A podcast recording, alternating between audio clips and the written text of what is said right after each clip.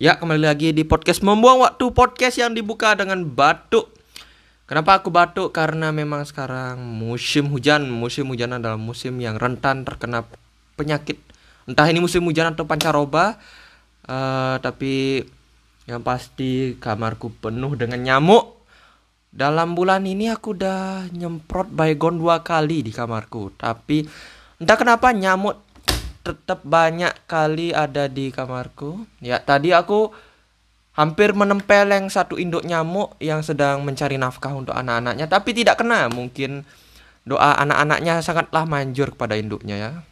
Makanya sedikit meleset aku tadi. Ah, beneran nih banyak banget bentol di kaki-kakiku sama tangan-tanganku ini loh. Entah aku udah nyemprot baygon, tapi nyamuk-nyamuknya ini ya pagi aku nyemprot baygon. Siang aku tidur siang itu uh, nyamuk-nyamuk tuh nggak ada. Malamnya ada lagi. Ini bagaikan nyamuknya itu cuma pamit bentar terus datang lagi gitu. Ini apa tuh namanya? Oh udah kayak uh, apa tuh? Rantai makanan itu udah nggak nggak bekerja lagi. Sama kayak uh, bukan kucing mengejar anjing lagi tapi ku kebalik dong. Bukan anjing mengejar kucing lagi tapi kucing yang mengejar anjing.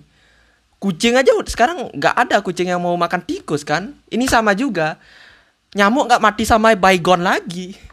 Aku bingung cara membunuh nyamuk tuh kayak gimana gitu loh. Dan uh, setelah diusut-usut ternyata aku kan punya kolam nih. Nih kebetulan uh, podcast ini direkam tepat setelah aku selesai menguras kolam Makanya aku sedikit gatel-gatel karena banyak sekali jentik-jentik nyamuk dan juga tanaman-tanaman orang tuaku banyak duri yang ternyata bisa bikin gatel-gatel. Nah, jadi aku punya kolam kecil kan. Kolam kecil itu uh, biasanya ada ikannya. Tapi karena kebetulan di komplekku ini tetanggaku suka melihara kucing, tapi dipelihara Katanya sih dipelihara, tapi entah kenapa setiap hari ke rumahku, setiap aku beli koi yang harganya sepuluh ribu dapat satu, hilang dalam semalam dimakan kucing, dimakan kucing. Aku nggak menuduh, aku melihatnya langsung. Koiku sudah tenang-tenang, udah aku kasih gini loh, apa tuh kayak keramik gitu biar uh, buat nutupin atas kolam gitu karena itu kan kolamnya kecil jadi bisa ditutupin gitu dihancurin keramiknya sama kucing kucing.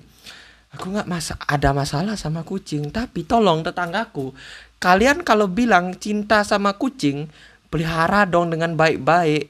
Kucing anda muntah di sofaku mencuri ikanku dan mengacak-acak sampahku. Ya ampun. Dan juga entah kenapa ya orang-orang yang bilang aku cinta kucing, aku cinta kucing. Ketika kucingnya lahir cacat gak mau dipelihara, jangankan lahir cacat yang biasa aja gak mau diawasin malah ke rumah tetangga jadinya kan. Ini aja banyak banget ada kucing cacat di komplekku ini. Malah aku yang ngurusin dong. Aku yang gak suka kucing malah aku yang ngurus. Karena gimana ya? Aku tuh iba ngeliat makhluk hidup yang yang sakit gitu, yang yang pasti bukan semut sama nyamuk ya. Kalau semut sama nyamuk sehat-sehat pun aku tempeleng. Tapi kalau kucing, walaupun aku nggak suka sama kucing, ngeliat kucing ngorek-ngorek sampah gitu paling apa tuh apalagi kalau kadang-kadang kan kucing tuh ada yang nyiramin mereka tuh air panas gitu kayaknya pernah aku ngeliat ada kucing nih udah almarhum sekarang udah meninggal entah kenapa meninggalnya juga di rumahku udah sering ke rumahku aku yang ngasih makan. Meninggalnya di rumahku juga.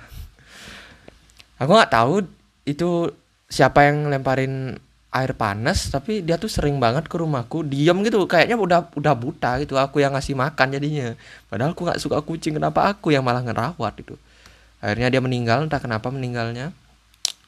Ah gitulah. Dan juga uh, sebenarnya kal uh, kolam kecilku itu uh, bisa aja nggak nggak isi ikan karena ikan tuh kan bisa makan jentik-jentik kan sama bisa makan nyamuk itu yang jadi pelindung kolamku dari bibit-bibit nyamuk gitu tapi uh, ada juga solusi lain yaitu harus ada pancorannya. Jadi pancorannya itu pancoran aku itu punya pancoran di kolam.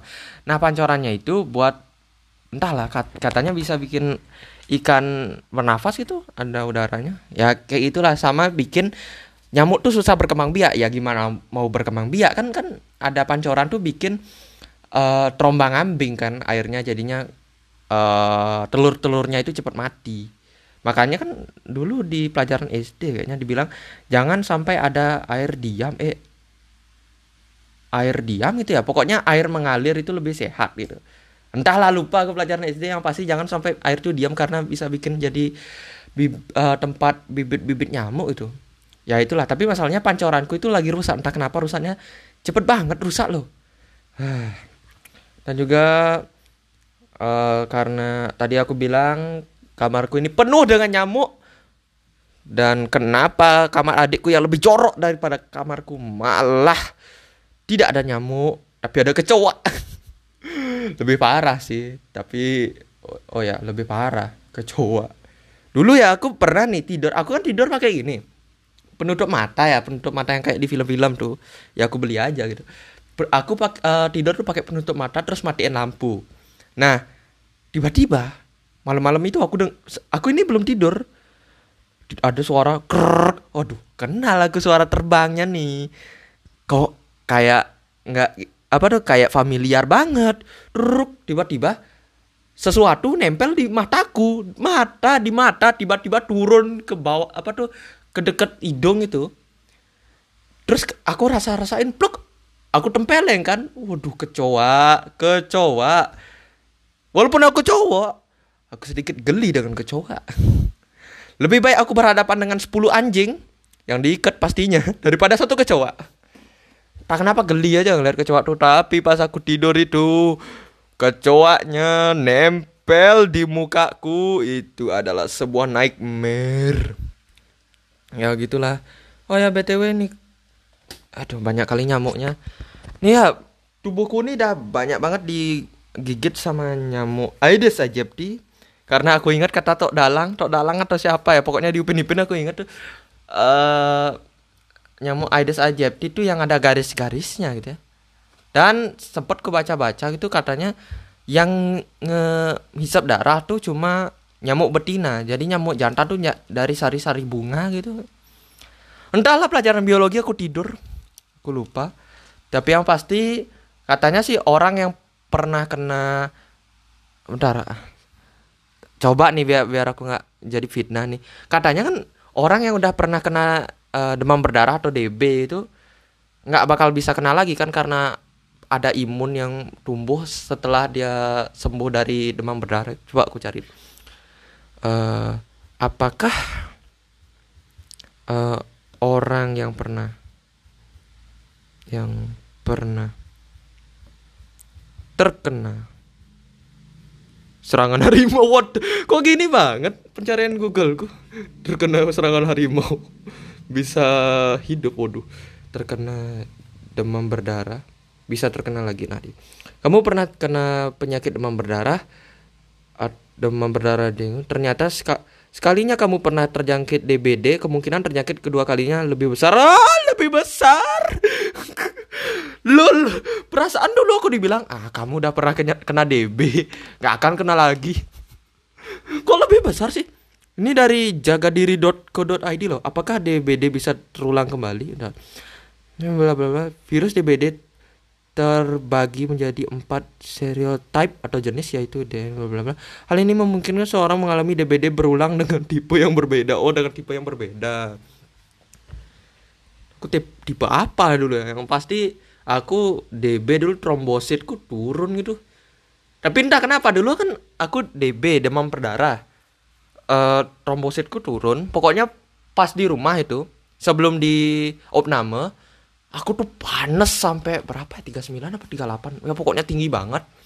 Pusing sampai mengigau gitu loh. Aku ingat aku mengigau tentang aku melayang-layang di angkasa. Terus muntah lagi. Orang tua aku bingung apa yang aku bilang. Oh, bubur angkasa supernova apa ini? Pokoknya mengigau nggak jelas gitulah aku. Aku pun kayak otakku tuh uh, apa tuh uh, rusak gitulah. Pusing aduh menyeramkan Tapi entah kenapa ya, pas aku dia uh, dicek darah, aku dibilang, "Oh, kamu DB, nanti gini opname." Nyampe di UGD kan. Panasku tiba-tiba hilang, padahal di mobil tuh masih panas, pusing. Di UGD hilang. Sama sekali nggak kerasa apa, bahkan aku bisa duduk. Sebelumnya aku duduk pun nggak bisa. Berbaring pun aku pusing. Pas di UGD itu kan udah mau dianterin kan ke kamar kamar pasiennya tuh. Aku bilang gini, nggak usah pakai kursi roda jalannya bisa. Terus sampai di kamar pasien tuh aku kayak kayak nggak sakit sama sekali. Jadinya di kamar pasien tuh aku main game aja. Nonton YouTube soalnya kenceng banget wifi rumah sakit pas itu. Kok bisa tiba-tiba sembuh? Tapi pas dicek darah pas itu masih trombositku down gitu. Tapi entah kenapa kok tepat setelah aku masuk UGD langsung kayak seketika tak sembuh gitu kayak nothing happen nggak ada terjadi gitu Ntar aku coba cari-cari masa bisa terjadi kemungkinan kambuh kembali setelah pernah mengalami DBD kali kedua bisa lebih parah ini penjelasan para ahli. Bentar nih. Sebelum masuk topik aku aku perlu meneliti tentang kesehatanku sendiri. Soalnya ini banyak nyamuk dah. Jika Anda pernah menderita demam berdarah atau DBD, kemungkinan sembuh masih ada kemungkinan Anda terjangkit lagi oleh virus Degu. Ahli medis menyebutkan DBD yang terjadi untuk kedua kalinya memiliki tingkat sakit lebih berat dibandingkan DBD sebelumnya. Waduh, kayaknya aku perlu beli baygon yang lebih banyak nih bila perlu aku gas gas nuklir gas nuklir radiasi nuklir aku taruhin anjir aku nggak enak banget pas DB dulu aku kira siapa dulu bilang ke aku kalau udah pernah kena DB itu nggak bakal kena lagi gitu.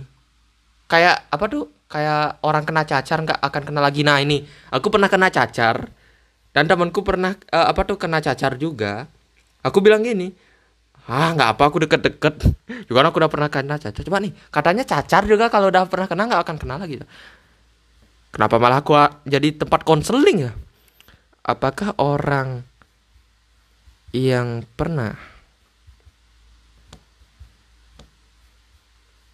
kena cacar capek banget nulis kena cacar bisa kena lagi setelah kamu atau si kecil terkena cacar air, virus tetap tidak aktif di jaringan syaraf meskipun kecil kemungkinan akan terkena cacar air lagi. Waduh. Oh, kemungkinan kecil. Virus dapat aktif kembali di kemudian hari dan menyebabkan kondisi terkait yang disebut herpes zoster. Cacar air penyakit sekali seumur hidup. Benarkah? Kasih langsung jawaban dong. Cacar air eh, cacar air penyakit sekali seumur hidup. Benarkah? mana aku tahu virus penyebaran tidak akan pergi Sering kali kita mendengar ungkapan bahwa setiap orang akan mengalami cacar air. Selain itu, cacar air disebut uh, sebagai penyakit yang akan mengenai kita hanya sekali dalam seumur hidup. Pertanyaannya, apakah ungkapan ini benar adanya? Berikutnya,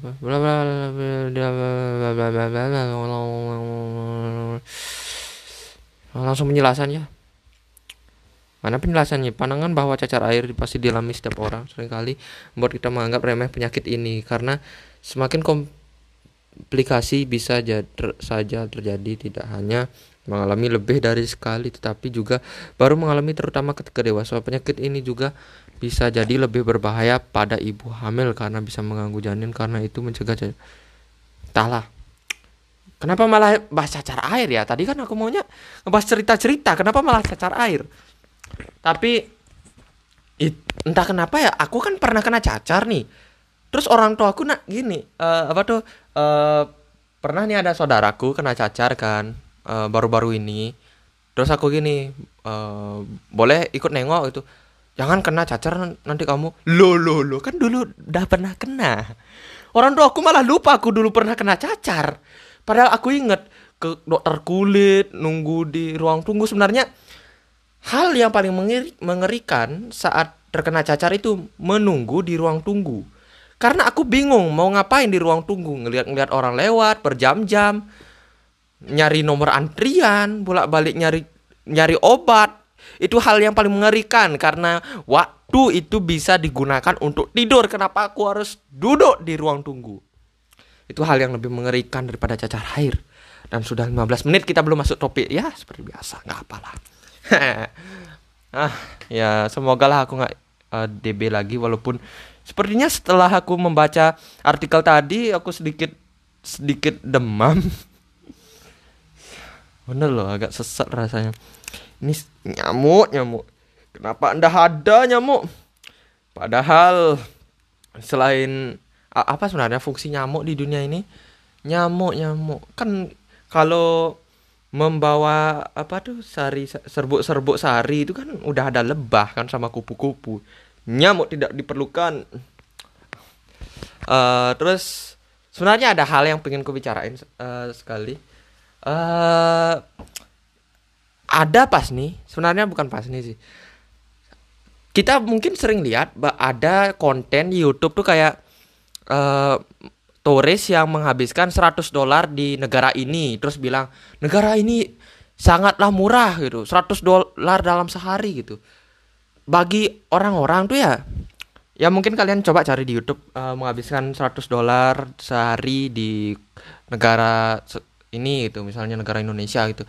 Bagi orang-orang tuh kayak wah negara kita diliput sama turis gitu. Kayak se menjadi sebuah kebanggaan gitu loh. Tapi menurutku itu itu sebenarnya kayak hinaan terselubung gitu loh. Soalnya dia mereka tuh sering banget mengatakan bahwa uh, 100 dolar uh, cukup 100 dolar aja sehari di negara ini Anda akan menjadi orang kaya. Itu kayak hinaan bahwa negara itu tuh terkena inflasi besar-besaran gitu loh. Kayak ah negara ini kayak kayak ingin mengatakan negara ini sangatlah miskin tapi dengan cara yang lebih halus gitu loh. Entahlah orang-orang suka banget sama konten kayak gitu tapi aku tuh kayak aduh ke orang-orang tidak menyadari sesuatu kayak semuanya orang bilang thank you uh, our country is very cheap uh, come here again gitu. Oh, ampun. Ya banyak banyak lagi yang di Indonesia gitu loh yang apa tuh oh, 100 dolar. Iyalah 100 dolar. 100 dolar tuh satu juta lebih loh. Satu bentar satu dolar kan tiga belas ribuan ya. Ya bener lah satu juta lebih. Terkena inflasi kita bro. Jauh banget sama dolar. Itu di setauku di Amerika tuh satu hotdog tuh harganya satu dolar. Satu dolar kan belas ribu. Kalian beli hotdog di sini lima ribu, lima ribu loh. lima ribu apa delapan ribu ya? Dulu aku pernah beli hotdog lima ribu sih. Yang yang pastinya cuma roti sama sosis aja. Sosis sosis satu bungkus tuh dua puluh ribuan kan isi lima kayaknya. Sonai sonai seribu Sonai saja dipanggang jadi hotdog. Walaupun segalnya sangatlah keras, tapi kalau digoreng tuh lumayan enak loh sonai walaupun harganya seribu itu itu daging beneran gak sih? Kok bisa harganya seribu? Oke itu aja. Jadi kita langsung masuk topik. Oke, kita masuk topik di menit ke 18. Wow, sebuah rekor pas ini menit ke 50 baru masuk topik. Topiknya cuma 5 menit. Dan uh, aku sering banget dengerin podcastku akhir-akhir ini mendengarkan podcast sendiri dan aku lihat ada yang mendengarkan yaitu empat orang yaitu aku sendiri. Aku sendiri. Halo aku sendiri. Empat orang itu adalah aku sendiri dengan akun-akun bot. Dan aku mendengarkan diriku sendiri tuh banyak banget ketawa-ketawa sendiri gitu loh. Kayak uh, ngelempar joke gitu. Anjir kok kok aku sering ketawa-ketawa sendiri gitu loh. Soalnya aku pernah baca artikel nih. Orang yang sering ketawa-ketawa sendiri lebih cenderung terkena narkoba bang gitu. langsung tiap hari aku apa tuh uh, latihan tidak tertawa tidak tertawa tidak tertawa. Langsung aku nonton banyak uh, stand up stand up komedi gitu. Aku tahan ketawa aku tahan ketawa. Gitu. Oh kan? Setiap aku selesai ngomong tuh pasti ada kayak oh itu bukan ketawa sih. Itu lebih ke asma lebih ke sesak nafas itu. Gitu. Oke kenapa nggak jadi jadi masuk topik ya? Memang memang. Oh ya uh, akhir-akhir ini aku uh, sering banget nonton sebenarnya bukan sering banget baru tiga episode aja tentang Sherlock Holmes. Nah Sherlock Holmes nih lumayan gini sih. Aku ngiranya tuh kayak detektif di cocokologi aja semuanya tapi ternyata wow keren banget. Pantasan di setiap novel yang aku baca itu ya pasti ada aja. Kalau berperilaku seperti detektif dia langsung dibilang ah kamu nih sok-sokan jadi Sherlock Holmes gitu. Nama Sherlock Holmes tuh dari dulu sebenarnya aku udah tahu tapi aku nggak tahu kisahnya kayak mana ternyata keren.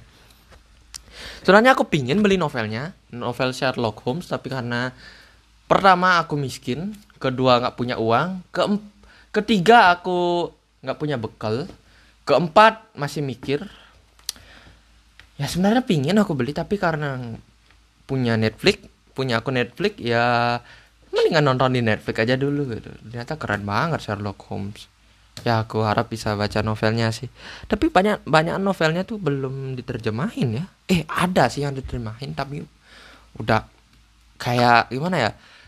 Novel novel luar negeri yang diterjemahin ke bahasa Indonesia itu aneh bahasanya. Soalnya kan ada kata-kata yang kalau diterjemahin tuh malah aneh. Ke bahasa apa pun kalau diterjemahin kayak walaupun dari bahasa Inggris ke Indonesia ataupun Indonesia ke Inggris kalau diterjemahin tuh pasti ada aja kata-kata yang kayak nggak serak gitu loh. Kayak apa ya? Nggak bisa aku memberi contoh karena aku bukan etimolog orang-orang yang ngerti kata-kata. Ya gitu sih. Aku oh ya btw aku udah lumayan banyak nih gini aku kan sering bilang aku lagi bikin novel lumayan sering aku pas ini aku bagadang gini uh, nulis novelku dan ya udah sampai 10 halaman sih 10 halaman di note aku nulis di note HP dan aku bingungnya tuh ya gimana caranya orang-orang itu membuat suasana gitu orang-orang yang orang yang menulis novel tuh membuat suasana kayak aku tuh bingung gimana caranya menjelaskan ad, suatu adegan gitu. Kayak misal nih ada adegan berkelahi. Apa yang mau kujelaskan dari, dari adegan berkelahi? Misalnya ada namanya Tony Tony melemparkan pukulan pukulannya pada Yanti. Eh kok Yanti? Yanti kan berarti kalau Tony melemparkan pukulan ke Yanti. Waduh nggak hormat dong sama wanita nanti diserang SJW SJW feminis oke ganti Tony melayangkan pukulannya kepada Yanto. Yanto menghindarinya dan langsung memukul wajah Tony. Dia berkata sambil memukul, Tony, kenapa hidungmu banyak banyak ingus? Waduh. Bingung gitu loh aku bikin suasananya kayak gimana. Kadang-kadang aku baca-baca novel gitu, kok bisa dia? Aku ketika baca novel orang itu ya, aku tuh bisa membayangkan bagaimana kejadiannya tepat saat itu. Tapi ketika aku uh, bikin novel terus aku baca ulang aku tuh kayak bingung. Aku nyeritain apa nih? Ini orang lagi ngapain gitu? Ini orang marah atau bercanda sih gitu?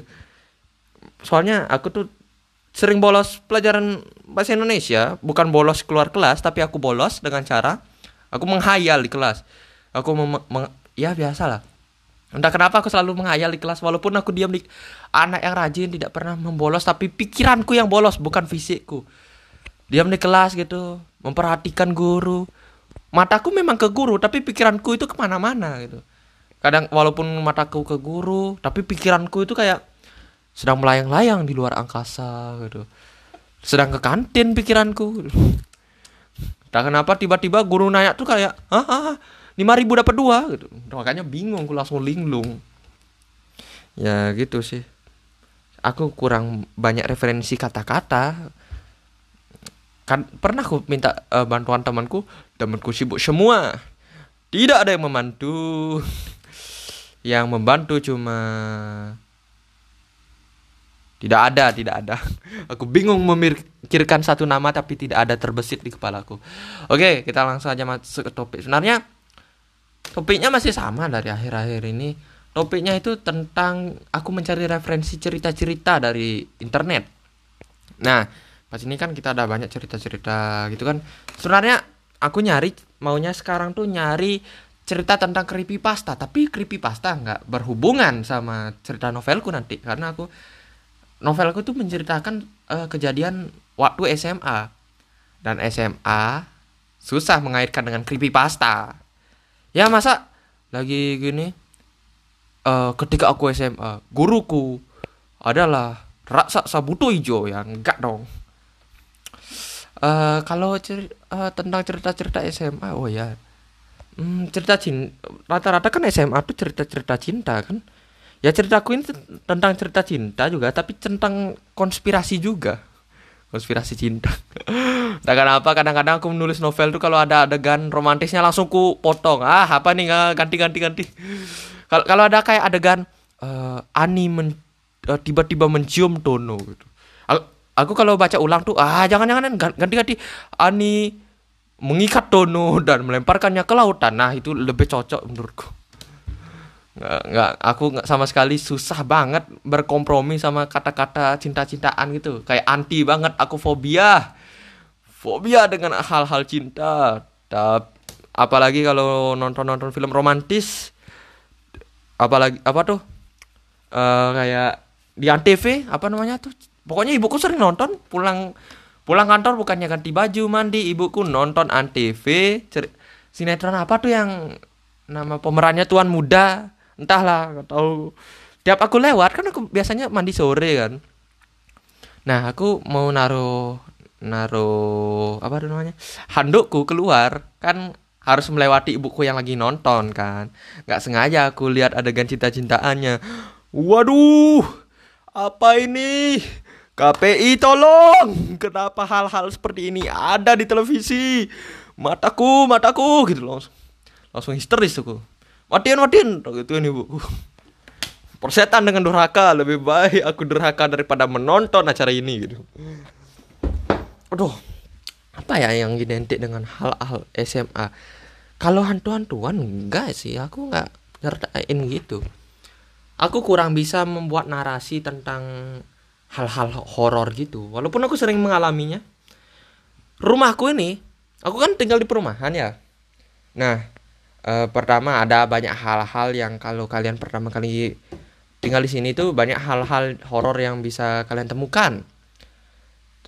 Kalau kalian tuh paranoid, pasti kalian mengaitkannya dengan hal-hal mistis. Contohnya ya, dispenser, dispenser yang tiba-tiba guruk-guruk gitu suaranya, tiba-tiba malam-malam gitu, uh, tiba ber, tiba berbunyi. Pokoknya ya agak serem lah kalau kalian membayangkan sesuatu.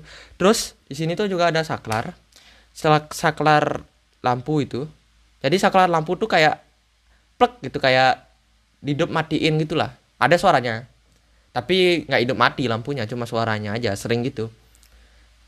Terus apa lagi ya? Oh ya rumahku ini kan di perumahan.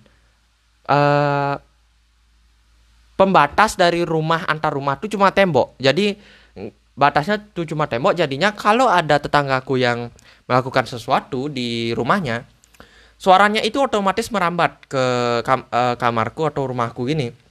Jadinya kita tuh malah merasa ada sesuatu di rumah kita padahal itu uh, di apa tuh di rumah tetangga kita yang suaranya merambat aja. Ya gitu sih kalau di uh, dijelaskan secara saintifik, secara logis. Karena aku bingung juga menjelaskan uh, secara mistisnya kayak gimana? Karena aku bukan orang yang suka terlalu, terlalu suka mistis-mistisan. Makanya aku mengaitkan semuanya secara logis. Dan sekarang aku sendiri di rumah. Waduh. Selalu sih aku selalu tiap tiap aku rekam podcast mana pernah ada orang di rumahku soalnya ketika orang rumah mendengar aku bilang anjing bangsat anjir langsung ditempeleng karena keluargaku tidak suka dengan kata-kata kasar. Kadang-kadang aku bingung sama teman-temanku yang ngomong-ngomong kata-kata kasar kayak anjing kon uh itu di rumahnya sendiri ketika ada orang tuanya aku tuh bingung kok bisa? Kok bisa nggak ditempeleng? Dulu pernah aku nggak sengaja ngomong kata-kata kasar di dekat orang tuaku bukan ke orang tuaku tapi di dekat. Langsung dikunci di kamar mandi. Mantap ah belum masuk topik juga. Oh, oh udah sih. Sebenarnya aku bingung nih cerita apa lagi ya?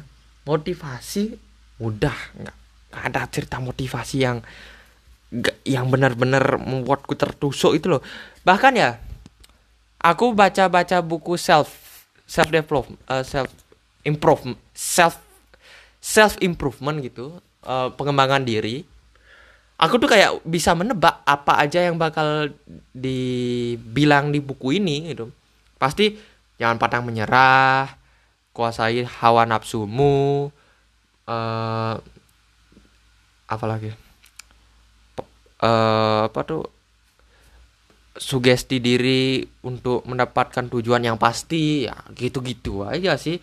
Cuma bedanya dari buku-buku self self uh, improvement itu atau video-video YouTube yang mau motivasi itu mereka memberikan contoh yang berbeda. Misal kayak jangan pantang menyerah. Mereka tuh memberikan contoh cerita yang berbeda gitu. Misal seekor kodok eh jangan dah seekor jerapah yang pantang menyerah meraih meraih meraih apa ya? Meraih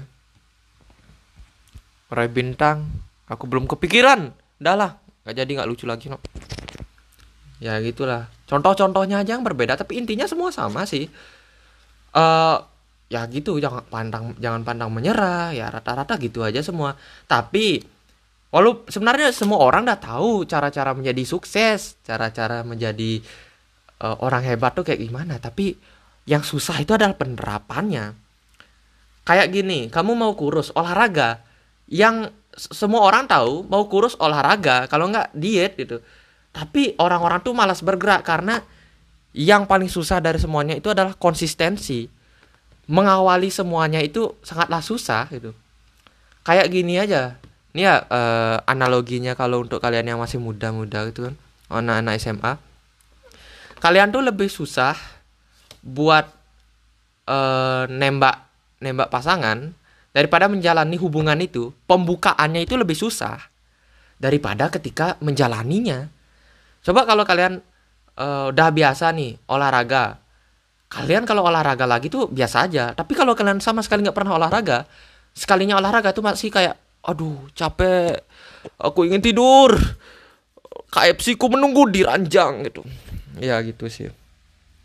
Aku juga udah pelan-pelan sih. Pelan-pelan aja dulu gini uh, membuat habit-habit baru gitu. Daripada sama sekali enggak kan. Daripada endol nggak endol nggak ada perubahan. Setiap hari lebih baik ada satu persen perubahan. Wah, anjir. Tumben ada moral dari podcast ini. Oh ya biasa uh, aku sebenarnya gini. Tertarik sedikit tertarik sama cerita horor jujur nih karena aku ngeliat di Spotify ya banyak banget ada cerita-cerita horor tuh kayak bentar you see what I see tapi aku belum sempet dengerin karena dulu pernah bentar kesel no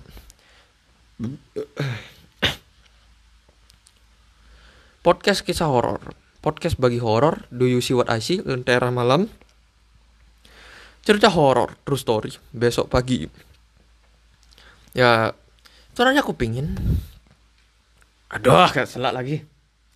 Sebenarnya aku pingin jadi host cerita-cerita horor gitu nge-interview orang-orang yang pernah punya paranormal experience itu aku sebenarnya punya paranormal experience tapi sejak aku sering baca-baca buku saintifik aku aku ingat-ingat lagi ada uh, kejadian itu dan aku gini uh, menelaahnya secara logis gitu. Hmm saat itu aku melihat sosok hitam. Hmm, mungkin itu halusinasi atau siluet eh siluet. Pantulan cahaya mungkin gitu. Itu aja terus sih. Makanya kurang asyik. Walaupun sebenarnya ya walaupun aku logis-logis kayak gini ya tetap aja ada rasa takut masih karena terlalu tiba-tiba masih perlu apa tuh namanya perlu pembiasaan aja sih. Soalnya dulu pas SMP aku masih jadi orang yang penakut banget orang-orang yang ngait-ngaitin segala hal dengan mistis. Ini aja ya. Uh, kalian tahu Clash of Clan game COC ini game yang dulu pas SD sampai SMA eh, enggak SD aja kayaknya. Pas pas aku SD itu uh, game Clash of Clan ini ngetren banget.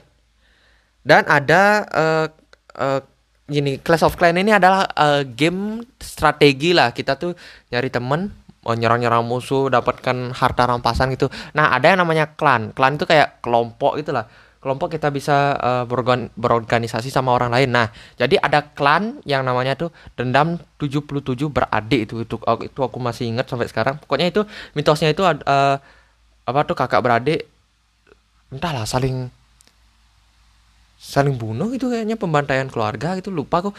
Tapi kenapa ada konspirasi kayak gitu? Karena ada salah satu uh, anggotanya nam, nama ID gamenya itu Angereka Riki apa Rizky ya? Pokoknya antara itulah. Itu di balai apa tuh kan ada balai desa ya di gamenya itu. Bangunan balai desa. Nah di atas balai desanya itu ada meriam yang melayang gitu. Nah sebenarnya kalau dijelasin secara logis itu itu ngebak aja ngeglitch tapi banyak banget dulu konspirasinya dan aku salah satu orang yang bikin teori-teorinya. Nyebar nyebarin ke sekolah nyebar nyebarin ke temen-temenku. Aku kayak orang yang paling ngerti gitu loh. Hmm, ini adalah sebuah misteri yang harus kita pecahkan. Sampai aku bikin powerpointnya masih ingat aku. Aku bikin powerpointnya dan aku kasih tahu ke temanku aku presentasiin depan temanku jadi gini ya teman-teman. Ini kita bisa lihat. Aku menganalisis itu aku nonton banyak video-video tentang penjelasannya itu dari youtuber-youtuber gak jelas juga ya itu sih. Tapi sejak aku SMA eh SMP kelas 9 kayaknya aku lumayan sering ke Gramedia ngambil-ngambil buku ngambil-ambil aja. Buku Stephen Hawking terus biografinya Soekarno. Jadinya sekarang aku secara tiba-tiba berubah menjadi orang yang lebih logis daripada biasanya. Walaupun sebenarnya lucu lucu juga ya. Lucu sebenarnya jadi orang yang uh, mengaitkan semua halnya ke mistis-mistis gitu itu malah jadi karak karakterku yang dulu itu entahlah aku pingin pingin banget ngobrol sama diriku yang dulu. Apa yang anda pikirkan bodoh? Kenapa kamu menyebarkan?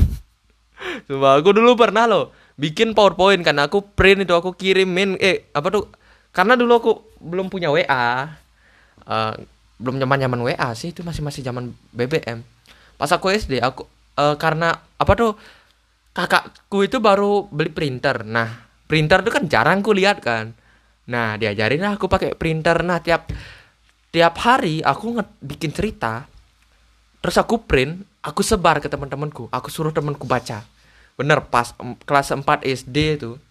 Wow teman-temanku tuh kayak wow ceritamu keren sekali. Tapi setelah gue ingat-ingat hmm, keren apanya? Masa cerita cerita orang gila jadi pembalap? Orang gila nih. Aku masih ingat tuh. Pokoknya ceritaku abstrak banget nih. Bener bener bener abstrak gitu. Kalian nggak akan percaya sih. Aku tuh bikin cerita tentang pembalap pembalap gila nih. Dia tuh dulu orang gini uh, apa tuh pemadam kebakaran karena aku pertama kali ngeliat pemadam kebakaran tuh ngebut banget nyalip uh, uh, aku naik mobil dulu sama keluarga aku kan. Jadinya aku kepikiran oh mungkin pemadam kebakaran ini uh, pe pembalap gini pembalap gila gitu. Makanya aku bikin ceritanya. Pokoknya abstrak banget aku lupa dulu cerita ceritaku kayaknya pernah aku sim masih aku simpen tuh. Apa dah dibakar ya? Waduh itu masa-masa kelam tuh masa-masa kelam dark age dari dulu ternyata aku udah punya keinginan untuk buat cerita ya.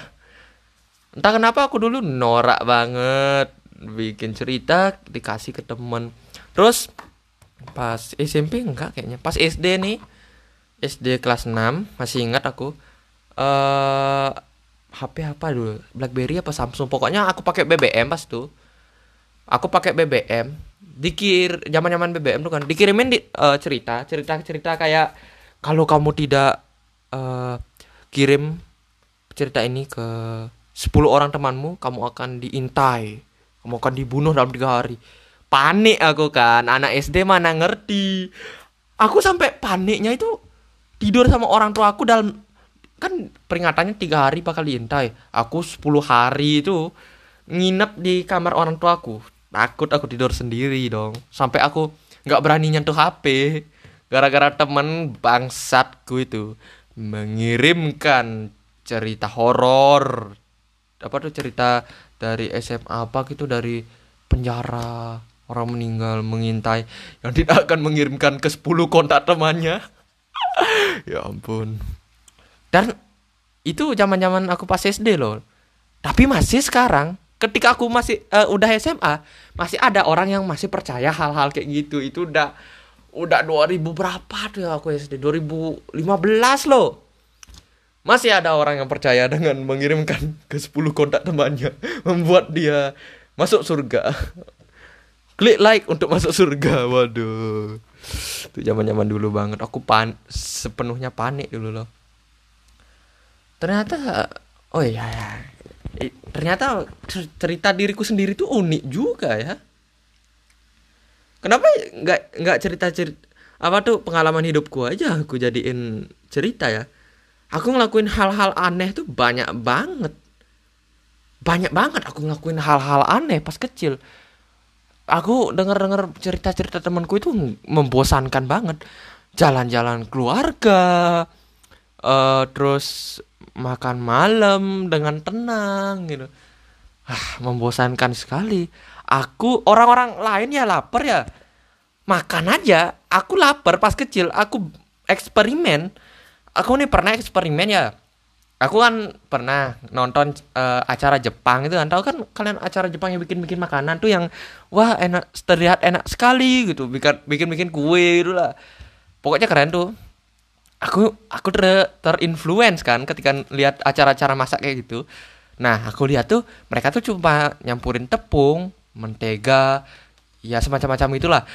Nah yang aku nggak tahu itu mereknya apa itu masalahnya di dapurku itu ada bahan seadanya.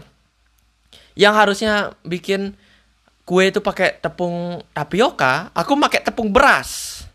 Tepung beras aku masukin ke dalam wajan aku cam nggak ada mentega aku pakai blue band. Terus aku campur pewarna makanan ku kasih air ku kasih es. Entah kenapa kok bisa aku kasih es. Pokoknya ap apa yang ada di dapur saat itu aku campurin akhirnya aku dipergoki sama nenekku kan. Ngapain kamu nih? Itu langsung dilihat kan bikin batu bata. Aku kira bakal jadi kue ternyata jadi batu bata. Terus aku rasain kok keras? Itu beneran kayak batu bata kayak apa tuh? Tepung tapi keras keras banget. Terus aku cobain kan aku colek gitu. Wah, jelek banget rasanya. Sama karena gini sih dulu aku pas kecil banget sebelum aku SD aku sering banget bergaul sama ciwi-ciwi. Dan diajak bermain masak-masak makanya aku sering bereksperimen. Soalnya uh, temanku dulu yang aku ajak main um, mereka tuh main masak-masak. Ap apa aja yang ada di alam itu dipakai main masak-masak. Daun batang pohon motor bapaknya gitu. Semuanya dipakai masak. Itu di knalpot bapaknya itu dipakai masak. Dimasukin aku aku pernah. Aku pernah. Pernah ngemasukin daun. Saat main masak-masakan di knalpot motor orang tuaku. Tapi untungnya nggak ada yang nyadar. Aku coba aja terus aku tarik pakai lidi itu. Aku keluarin uh panas banget. Itu tahu kan kalian kalau motor-motor zaman lah zaman dulu tuh uh, knalpotnya itu panas banget. Kalian kesenggol dikit aja udah luka bakar keras kan. Kalau uh, motor sekarang kan nggak terlalu karena ada pelindungnya gitu. Tapi zaman dulu wow panas banget. Itu ha sampai hangus daun-daun itu aku masukin ke dalam uh, motor.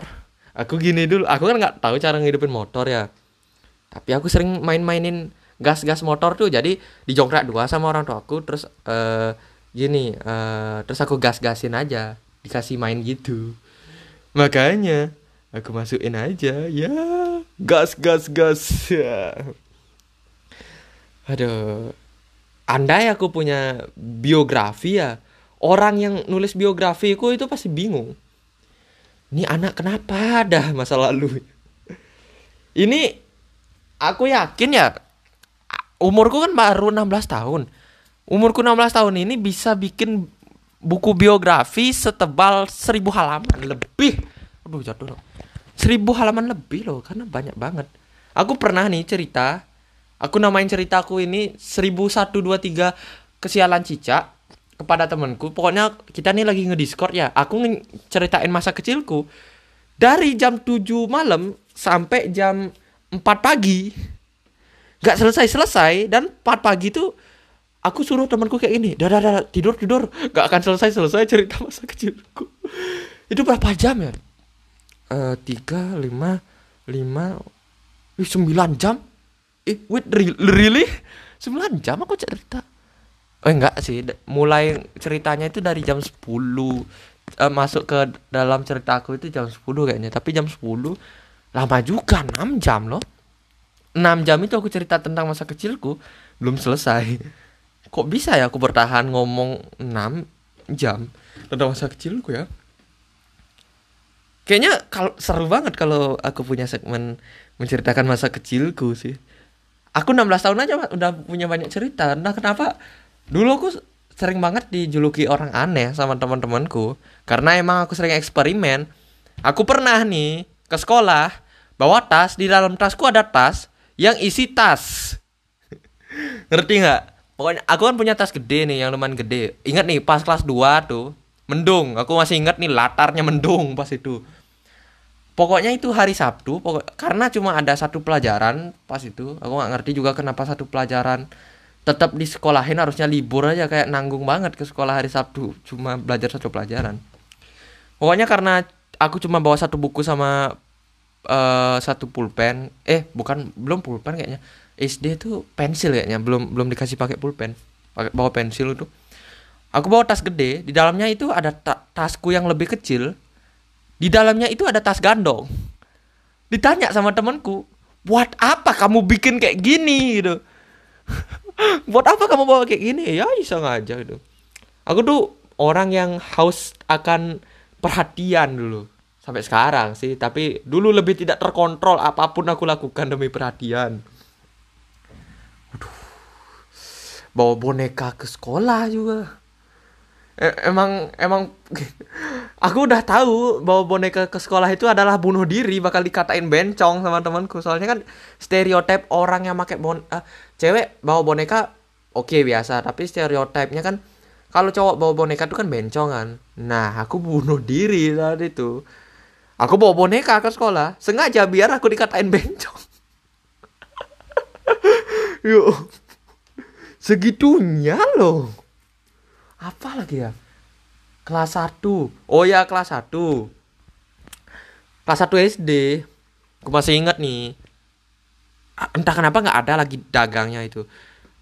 Eh dulu tuh ada dagang da- eh, pedagang ini kan ada namanya tok- dagang mainan kan. Nah ini bedanya tuh mainannya itu eh dia tuh bawa keranjang isi banyak balon-balon air. Jadi itu kayak eh, balon-balon ulang tahun itu diisiin air. Entah dari mana dag- eh, pedagang itu dapat ide ya. Jadi di balon air tuh ada variasinya ada yang ditembakin gitu. Jadi kayak pistol-pistolan air gitu tapi versi balon. Ada juga yang dilemparin langsung pecah itu nah aku aku punya uang saat itu satu ribu karena aku kan aku sejak kecil itu emang jarang banget belanja karena memang makanan kantin tidak enak makanya aku jarang belanja. Eh, itu satu ribu itu aku ngumpulin berapa lama ya itu pokoknya satu ribu itu habis dalam sehari. Kenapa? Karena itu dagang balonnya itu aku borong sama teman-teman teman-temanku dulu. Pokoknya di sekolah pas itu kan ada ekstrakurikuler kan tapi belum mulai. Nah aku main-main dulu di lapangan sama teman-temanku lewatlah dagang balon itu. Nah aku belilah. Ternyata keasian lempar-lemparan balon sama teman-temanku akhirnya aku borong sampai seratus ribu. Berkali-kali aku belinya. Ah, sampai apa tuh? Kan itu plastik ya. Kalau balon dilempar eh, balon air dilempar kan pecah ya. Nah itu lapangan itu lapangan sekolah penuh dengan plastik penuh dengan plastik balon dan juga padahal nggak mendung nggak hujan sama sekali lapangan itu langsung seperti banjir. Nggak sih banjir banjir tapi kayak ada genangan gitu. Karena kita tuh satu ribu tuh kita pakai main lempar-lemparan balon gitu loh. Asik banget pas itu karena teman-temanku lumayan asik mau diajak kompromi. Pas itu. Dan eh, sampai sekarang belum diketahui siapa pelakunya. Soalnya guruku sempat nanya siapa yang oh gini ngotorin lapangan nggak ada yang ngaku temanku juga nggak ngasih tahu siapa padahal kita kita aja yang ngotorin lapangan pas itu Waduh kok nggak ada lagi ya yang bikin itu kayaknya udah udah dikecam deh sama uh, penggiat uh, lingkungan tuh. Soalnya pakai plastik kan. Aku sempet ya kan uh, sekolahku itu dulu kan lantai dua kan. Jadi dari lapangan itu uh, jendela lantai dua itu uh, ke, uh, kelihatan. Jadi terbuka jendela lantai dua kelas. Nah saat itu di kelas itu uh, seperti kayaknya ada yang ngajar Nah, teman-temanku iseng ngelemparin balon ke sana. Ngelemparin balon ke dalam kelas.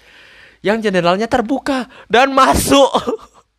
dan masuk. Kok aku kayak waduh gitu langsung kabur dong. Dan itu balon terakhir. Pas banget balon terakhir masuk ke dalam jendelanya itu kita langsung kabur. Terus gurunya itu turun kan ke lapangan nyari siapa pelakunya. Kita tuh di apa tuh udah berubah posisi karena berubah tempat kita tuh udah jauh pokoknya itu kan lapangan sama kantin itu kan jauh kita tuh udah diam di kantin kayak pura-pura nggak -pura nggak terjadi apa-apa aja kayak hmm kami hanya makan mie. Kami tidak ada di lapangan. Tentu itu adalah makhluk halus yang melemparkan bola-bola itu. Bejat banget aku dulu. Oke dah 50 menit. Ternyata 50 menit aku nggak jadi masuk ke topik ya. Tadi aku bercanda aja loh sampai 50 menit. Topiknya cuma lima menit. Ternyata jadi kenyataan ya. Ah, malah cerita tentang masa laluku sumpah ini ini baru 0,0001 persen dari masa laluku yang sangat kelam. Mungkin orang-orang yang bilang masa lalunya kelam tuh dia tuh broken home yatim piatu di ditendang kayak tegar dulu ditendang sekarang ku disayang gitu. Aku nggak masa-masa kelamku itu selalu bereksperimen selalu bereksperimen. Oke cerita terakhir nih. Uh, sebenarnya nih uh, agak lucu juga. Dulu pas SD aku kan uh, cerita terakhirnya oke soalnya nih dah durasi nih. Dulu pas SD ada dag, uh, dagang ikan dan yang dan masih sampai sekarang aku inget mas-mas dagang ikan ini. Sampai sekarang masih dagang ikan entah kenapa mungkin udah jadi hobi. Masih inget aku muka mas-masnya ini. Mas-masnya ini baik soalnya aku kan beli ikan nih ikan cupang. Nah ikan cupangnya itu kan di plastikin kan plastik kecil itu. Nah pas itu kan uh, aku dijemput uh, pakai motor sama pamanku. Pamanku uh, sekalian nyemput aku sama gini sepupuku juga. Nah jadi kan uh, bertiga itu motor kan aku duduk paling belakang. Nah masalahnya ini motor tuh uh, nggak nggak muat buat duduk bertiga gitu. Sebenarnya bu, bukan sebenarnya muat aja soalnya pas itu aku masih SD dan tubuhku kecil aja muat sebenarnya. Tapi aku duduk itu terlalu di belakang di tempat-tempat uh, bukan di joknya jadi di besi, besi belakang jok itu yang aku duduk. Terus itu kan uh, pamanku kan naik motor motor bergigi gitu kan. Jadi motor bergigi itu kalau entah kenapa ya kayak jet gitu kayak kalau tiba-tiba ngegas tuh kayak sedikit bergelombang lah gitu kayak kayak mau standing gitu tapi setengah standing ya. Entahlah aku sulit mendeskripsikannya. Nah kayak gitu. Pokoknya itu udah di pinggir jalan. Terus uh, pamanku tiba-tiba ngegas kan. Aku jatuh. Jatuh dari motor dan aku posisinya itu megang ikan cupang. Kan otomatis kan jatuh ikan cupangnya dan pecah. Plastiknya pecah ikan cupangnya masih gerak-gerak. Tiba-tiba itu kan sekolahku itu deket sama jalan raya yang cukup rame ya dari depanku ada motor. Motor melaju dengan cepat. Melindas cupang termasuk jariku. Cupangnya dilindas seluruh tubuhnya. Jariku dilindas sedikit. Tapi sakit juga dong. Akhirnya mas-masnya itu kasihan sama aku kan. Dikasih lagi ikan cupang. Tapi pas itu aku nggak mikirin ikan cupang ya aku mikirin jariku. Jariku kelindas motor kelindas motor. Sampai di rumah aku ditanya sama nenekku masa kelindas gak putus? Kok har masa harus putus dulu? Masa harus putus dulu baru dipercaya kelindas aku mah kerasa banget itu ban motornya ngelindas tanganku. Itu cepet banget loh. Anjir itu aku nggak bisa bayangin lagi tuh. Bayangin mu ya jatuh dari motor nih terus di depan mukamu ini pas banget ada motor yang melaju ke arah mukamu tapi berbelok dikit. Nggak kena mukamu sih tapi kena jari dan kena ikan cupang. Ikan cupangmu mati tapi kamu selamat. Sebenarnya pas itu aku hampir mati sih. Benar-benar hampir mati ditabrak kepalaku. Wow. Kasih banget ikan cupangku itu. Baru beli itu tapi respect lah sama mas-masnya tuh kasihan sama aku langsung kasih ikan cupang. Dan dikasih gratis loh. Hmm. ya aku berdoa yang terbaik aja sih sama mas-masnya. Dan yang yang apa tuh ngelindas tanganku anda tidak salah juga sih. Aku yang salah sih soalnya. Duduk terlalu belakang. Ya. Oke dah 55 menit. Ah ya masih banyak malah dia cerita-cerita yang bisa gue ceritakan tentang masa laluku yang kelam dan untuk nenekku tolong masa aku harus putus dulu tanganku baru dipercaya kelindas sih banyak hal-hal eh, gitu sebenarnya aku udah sering banget hampir mati loh Mal, tapi malah lucu kalau sekarang diceritain gitu. Oke, terima kasih telah menonton uh, podcast ini. Lima, seperti biasa, aku cuma ngomong lantur sampai satu jam. Kok bisa ya? Rata-rata orang yang bisa ngomong lama sendiri itu adalah ciri-ciri orang gila. Sepertinya aku perlu konsultasi. ya, terima kasih telah men um, mendengarkan podcast ini.